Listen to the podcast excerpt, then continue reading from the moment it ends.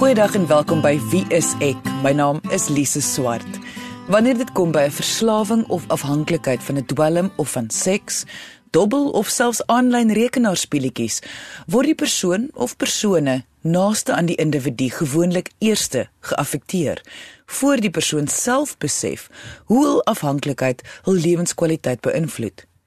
Dit is nou byvoorbeeld ouers, verhoudingsmaats, kinders en kollegas by die werk. Hier by wie is ek kry ons verre weg meer navraag oor hoe om 'n geliefde te help wat afhanklik is as 'n persoon wat self vir hulp vra.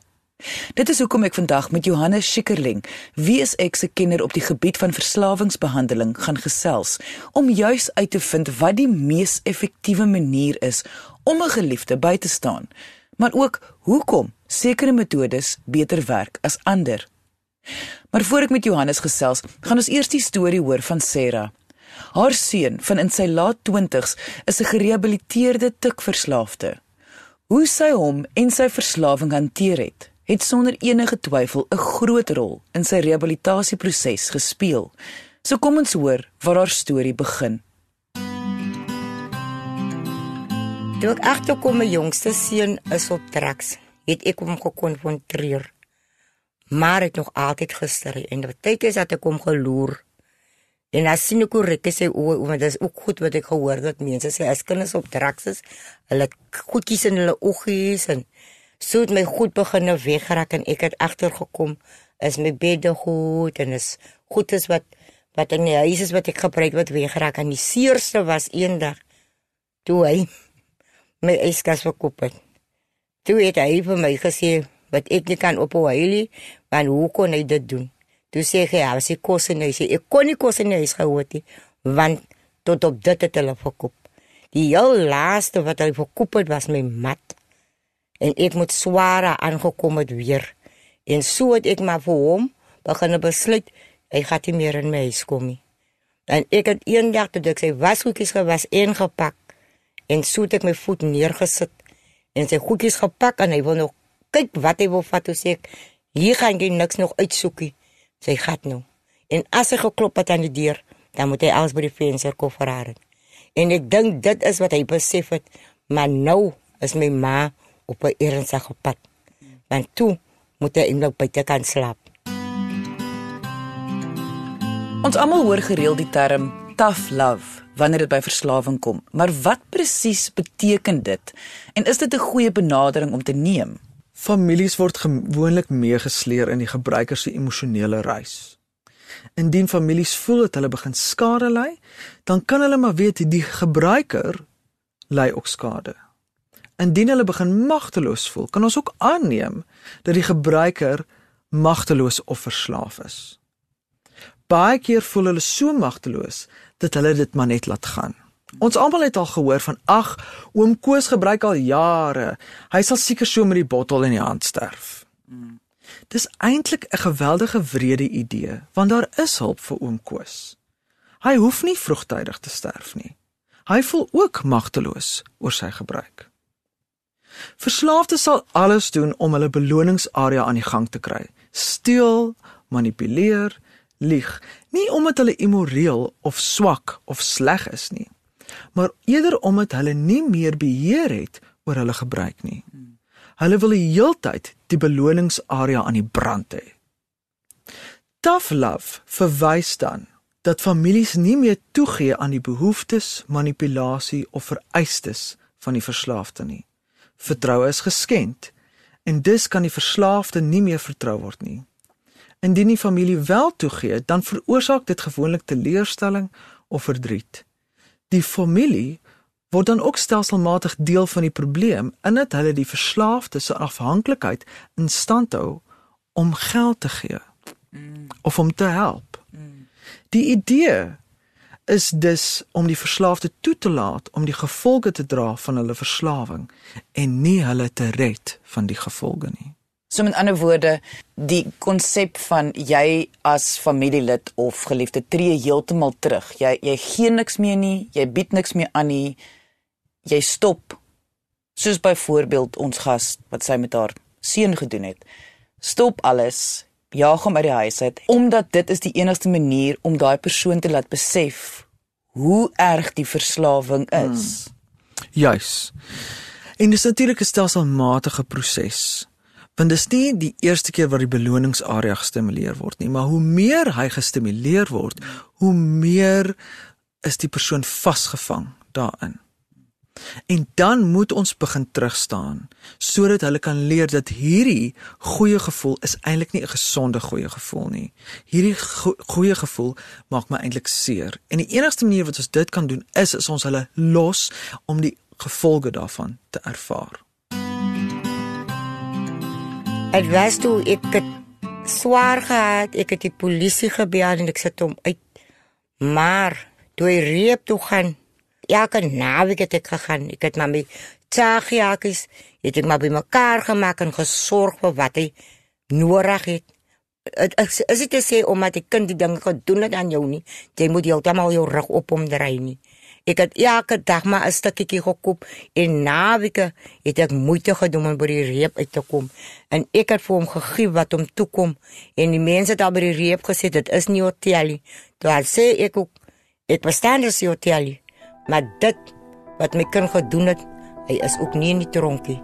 Jy luister na Wie is ek met Louie en Lise op RSG 100 tot 104 FM. Kom ons gesels net oor wat presies is 'n verslawing. Ek wil amper vra wat gebeur in 'n persoon se brein wanneer hy afhanklik of verslaaf is? Elke substans of gedrag het 'n ander effek op die brein by substans word die brein oorweldig met dopamine. Nou dopamine is die beloningssentrum van die brein. Maar elke substans of gedrag het 'n ander effek op die brein. Dis reageer elke mens anders op verskillende substansies. Ons kry 'n voorbeeld hiervan ook met psigiatriese medikasie waar mense verskillende uh, medikasie moet gebruik dalk vir dieselfde depressie. Mm. Maar vir een werk dit baie goed, maar vir ander glad nie. En dieselfde ook met substansies. Daar is wel 'n ooreenkoms dat die persoon wat 'n substans gebruik, kry dan hulle gunsteling substans.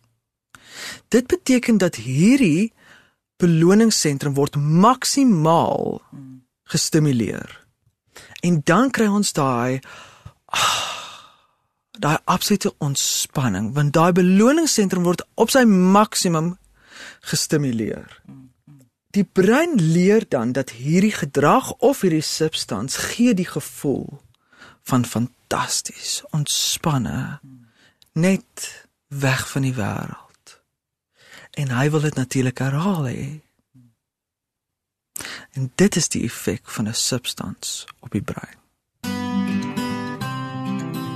Maar is daar byvoorbeeld 'n verskil tussen 'n verslawing aan alkohol teenoor byvoorbeeld dobbel? Ek verwys telkens nou na 'n gedrag of substans omdat daar geen verskil is tussen die reaksie of die effek wat dit op die brein het nie. Of jy nou kokain, alkohol, seks, kos, oefen of tik gebruik, dieselfde beloningsarea word maksimaal gestimuleer. Daar is wel 'n verskil in die behandeling, aangesien 'n mens sonder 'n substans kan leef daarsonder, maar iemand wat byvoorbeeld 'n verslawing aan kos het, kan nie daarsonder leef nie. So ons praat dan van 'n substansverslawing indien dit 'n middel is wat 'n persoon stimuleer of 'n prosesverslawing wanneer dit eerder gedrag is wat die persoon stimuleer.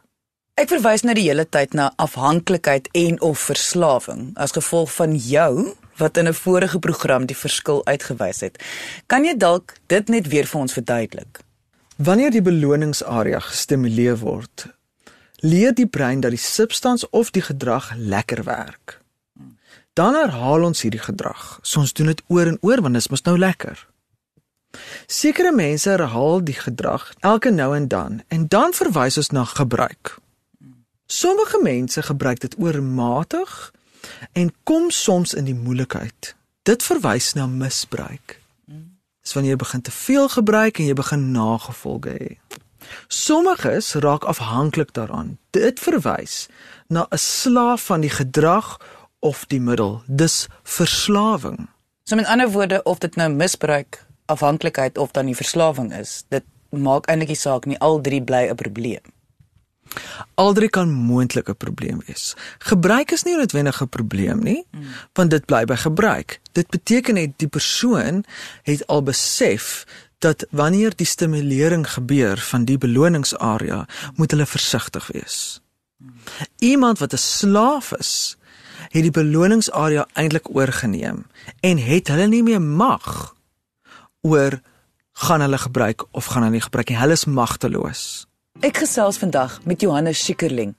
Wie is ek se kenner op die gebied van verslawingsbehandeling oor hoe families en geliefdes op 'n effektiewe manier 'n verslaafde kan bystaan sonder om die situasie onwetend te vererger. Ons gas vandag is Sarah wat vertel hoe sy haar jongste seun laat besef het dat hy self verantwoordelikheid moet neem vir sy verslawing en sy rehabilitasie. Onthou jy kan ook die pot gooi van vandag se episode gaan luister op RSG se webwerf en dit is rsg.co.za. Kom ons luister verder na Sarah se storie. Soos hy dit my jongste so nie uit die reep uitkom het ek altyd gedink ag nee wat hy is nog skoon en hy is reg op die pad en dan is daar tye wat ons so sit en gesels as sê hy net weet mami mami moet ding omdat ek in die reep gewees het ek is geneesie ek soek nog altyd die liefde en die bystand van enige een af maar ek het dit nooit so besef nie want ek het gedink my kind is skoon maar dit is nie wat is nie Jy moet altyd nog as ouer by jou kind staan. Hy ouerlike liefde gee vir hom en vir hom bystaan tot en met wie kan 100% sien nie wag. Dit is nou 'n kind wat ek op my eie kan uh, vertrou. Johannes, jy het baie jare se ervaring in die wêreld van verslawing en afhanklikheid. Kan jy sê wat het al agtergekom sukkel families en geliefdes die meeste mee, veral wanneer hul geliefde nog nie enige professionele hulp ontvang het nie. Ek dink waarmee families die heel meeste sukkel is dat hulle besef nie dat hulle ook in die dinamiek van die verslawing ingetrek word nie. Met ander woorde, die verslawing is nie een kant of die verslaafde is nie een kant en mense word geaffekteer daardeur nie. Omdat die verslaafde geld nodig het omdat hulle behoeftes het trek hulle die familie daarbey in en is die familie eintlik deel van die verslawingsproses. Ons moet ook besef dat dit is moeilik om hulp te vra. Mense kry skaam. My kind is 'n verslaafde. Baie mense dink nog dit gaan oor moreel of immoreel. En hulle voel natuurlik ook verantwoordelik of skuldig soms. Hmm. Veral ouers voel baie keer skuldig. Ek het iets verkeerd gedoen, ek het nie goed genoeg gekyk nie, ek moes beter uh oppas, ek moes vroeër hulp kry. So hulle voel baie verantwoordelik.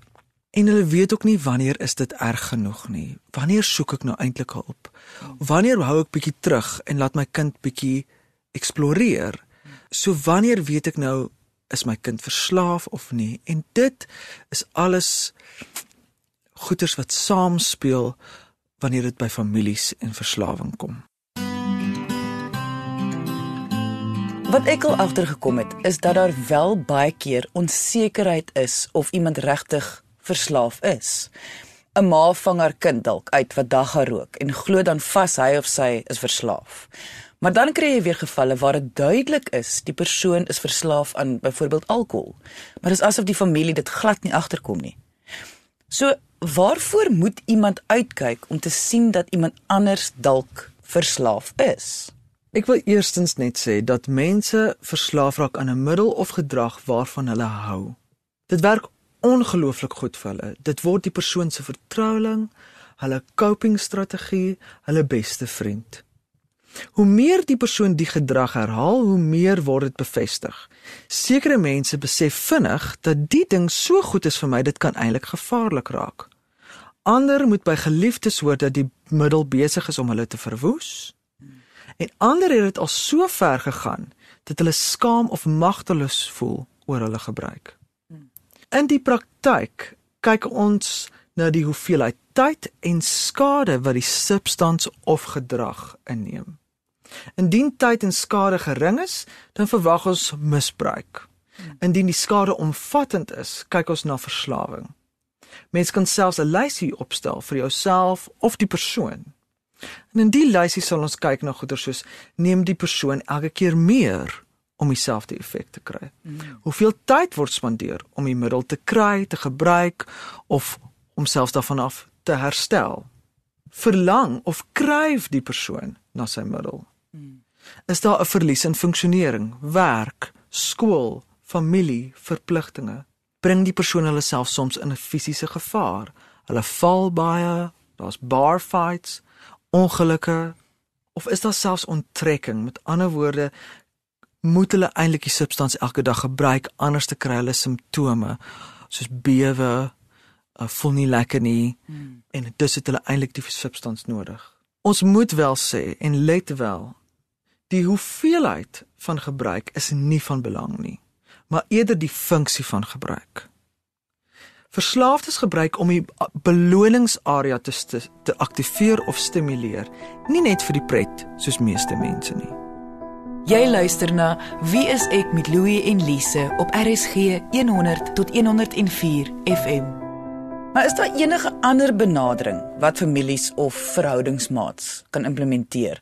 Want iets soos tough love is tog geweldig moeilik, want mens voel tog jy draai jou rug op iemand wat dringend eintlik jou hulp nodig het. Tough love is eintlik die laaste uitweg.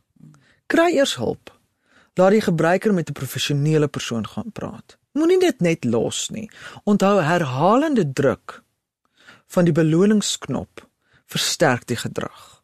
'n Professionele persoon is juis daar om die persoon te help om dit te bestuur, om tot die besef te kom dat hierdie ding wat so goed voel, is eintlik nadelig vir my en hulle kan ook die persoon die regte strategieë aanleer om te cope met 'n depressie of 'n trauma ensovoorts. Mens kan nie net verwag om jou hulpmiddel te los en dan oukei okay te wees nie. Die persoon sit dalk met trauma, depressie wat ook behandel moet word. So professionele persone is van kardinale belang hier. Hoe sou jy families en geliefdes van 'n verslaafde of afhanklike aanmoedig om tog maar sterk te staan teen al hul instinkte? om die persoon te help op hulle manier. Verslaafdes is nie swak of immoreel nie. Hulle het iets gekry wat baie goed vir hulle werk. Te goed. Dus moet ons hulle ondersteun in die perke van hierdie wondermiddel. Sekeres kan nooit weer hulle wondermiddel gebruik nie. Indien ons hulle help om hulle wondermiddel te kry, dan gaan hulle dink dit is hoe dit hoort. So die oomblik wat families besef dat om terug te staan is die regte hulp, dan kan die verslaafde eintlik gehelp word. Dit is veral in hierdie geval wat ek glo aan ondersteuningsgroepe veral vir families en gesinne wat een nie seker is hoe om so 'n situasie te hanteer nie en twee om die nodige ondersteuning te kry om juis dan sterk te staan. Groepe is geweldig waardevol. In dat mense deel dieselfde ervarings en om mekaar te ondersteun. Hier kan mense by mekaar leer en ondersteuning aan mekaar verskaf veral in die moment van nood of desperaatheid. Ons sien hoe effektief hierdie ouer groepe is omdat die familie in die dinamiek van die verslaafde ingetrek word. Ouers en geliefdes voel skuldig en verantwoordelik. Hulle gaan deur gevegte, word geblameer, besteel en uitgeskel. Dit is 'n groot emosionele las wat geliefdes dra en dis verdien hulle baie steun. Groepe vir verslaafdes is ook essensieel. Tydens verslawing isoleer die persoon met sy beste vriend alkohol. En dis verleer hulle om met ander 'n koneksie te maak. Dis nou vir my baie interessant want ek het nooit so daaraan gedink nie. In ander woorde, 'n groep bied dan die ek wil amper sê die teenmiddel teen isolasie want dit is juis isolasie is tog die probleem van die verslawing of die substans of die gedrag of die proses. Hmm. En dan is dit daai om weer te begin sosialiseer om weer aan te leer om te sosialiseer binne in die wêreld daar buite. Absoluut. As ons bietjie kan terughaal, die beloningsarea word gestimuleer en dus is dit al wat die persoon naderhand soek. Is hulle wil net daai kick of daai stimulasie wil hulle kry. En dis al wat hulle dan 24 uur eintlik wil doen. Hulle is so vasgevang. En as jy hulle dan los, het hulle totaal geïsoleer met hulle beste vriend of die ding wat hulle stimuleer. En dan as hulle dit dan los, moet ons hulle amper weer hersosialiseer, weer gewoond maak aan verskillende tipe stimulasie. Ons moet hulle ook gewoond raak dat jy kan nie weer dieselfde stimulasie kry uh, op een slag nie. Dit moet versprei wees. En dit lê in koneksie met mense, dit lê in koneksie met hulle self, dit lê in koneksie met die natuur. Dit lê in koneksie met uh, 'n uh, goddelikheid. Dit lê in 'n veelvoudige uh, mate van koneksie en nie net met hierdie een ding kokain, alkohol, wat dit ook al mag wees. Want onthou, die teenoorgestelde van verslaaf is nie sober nie dit is om koneksie te maak. Al wat ek kan ook sê as 'n ouer, as jy uitvind jou kind is op drugs. Die eerste ding wat jy doen, praat met hulle, hulle gaan baie stry. Maar hou moed en praat en praat moenie moeg raak nie. Ek weet is baie swaar, want ek weet waarvan ek praat. Maar moenie dinge vir jouself hou nie probeer om dit te deel met mense en so kan jy 'n bietjie van dit onlas en hulp kry in die buitekant want om skaamte wys gat te veel ja, jy gaan jou meer in die grond en afdruk en dit kan tot jou dood veroorsaak. Johannes, ter opsomming van vandag se episode. Wat is jou laaste gedagtes oor hoe geliefd is 'n persoon wat afhanklik of verslaaf is? Hoe kan hulle hulle bystaan? Onthou, nie almal wat gebruik is verslaaf nie. Help iemand wat struikel. Moet dit net nie los nie. Praat met iemand. Soek hulp. Help die persoon om 'n gesonde hanteringsmeganisme te kry. Nie een wat hulle afhanklik maak nie. Kry 'n professionele persoon wat kan help. Vir jou as familielid, maar ook vir die verslaafde. Indien jy enige vrae het oor vandag se onderwerp, kan jy ons kontak deur ons webwerf. Dit is wieisek.co.za of kom gesels saam op ons Facebookblad onder wieiseksa. Dankie dat jy vandag ingeskakel het. Ons maak weer so volgende Vrydag 12:30 net op RSG. Jy moet 'n heerlike naweek hê he, en onthou, kyk mooi na jouself.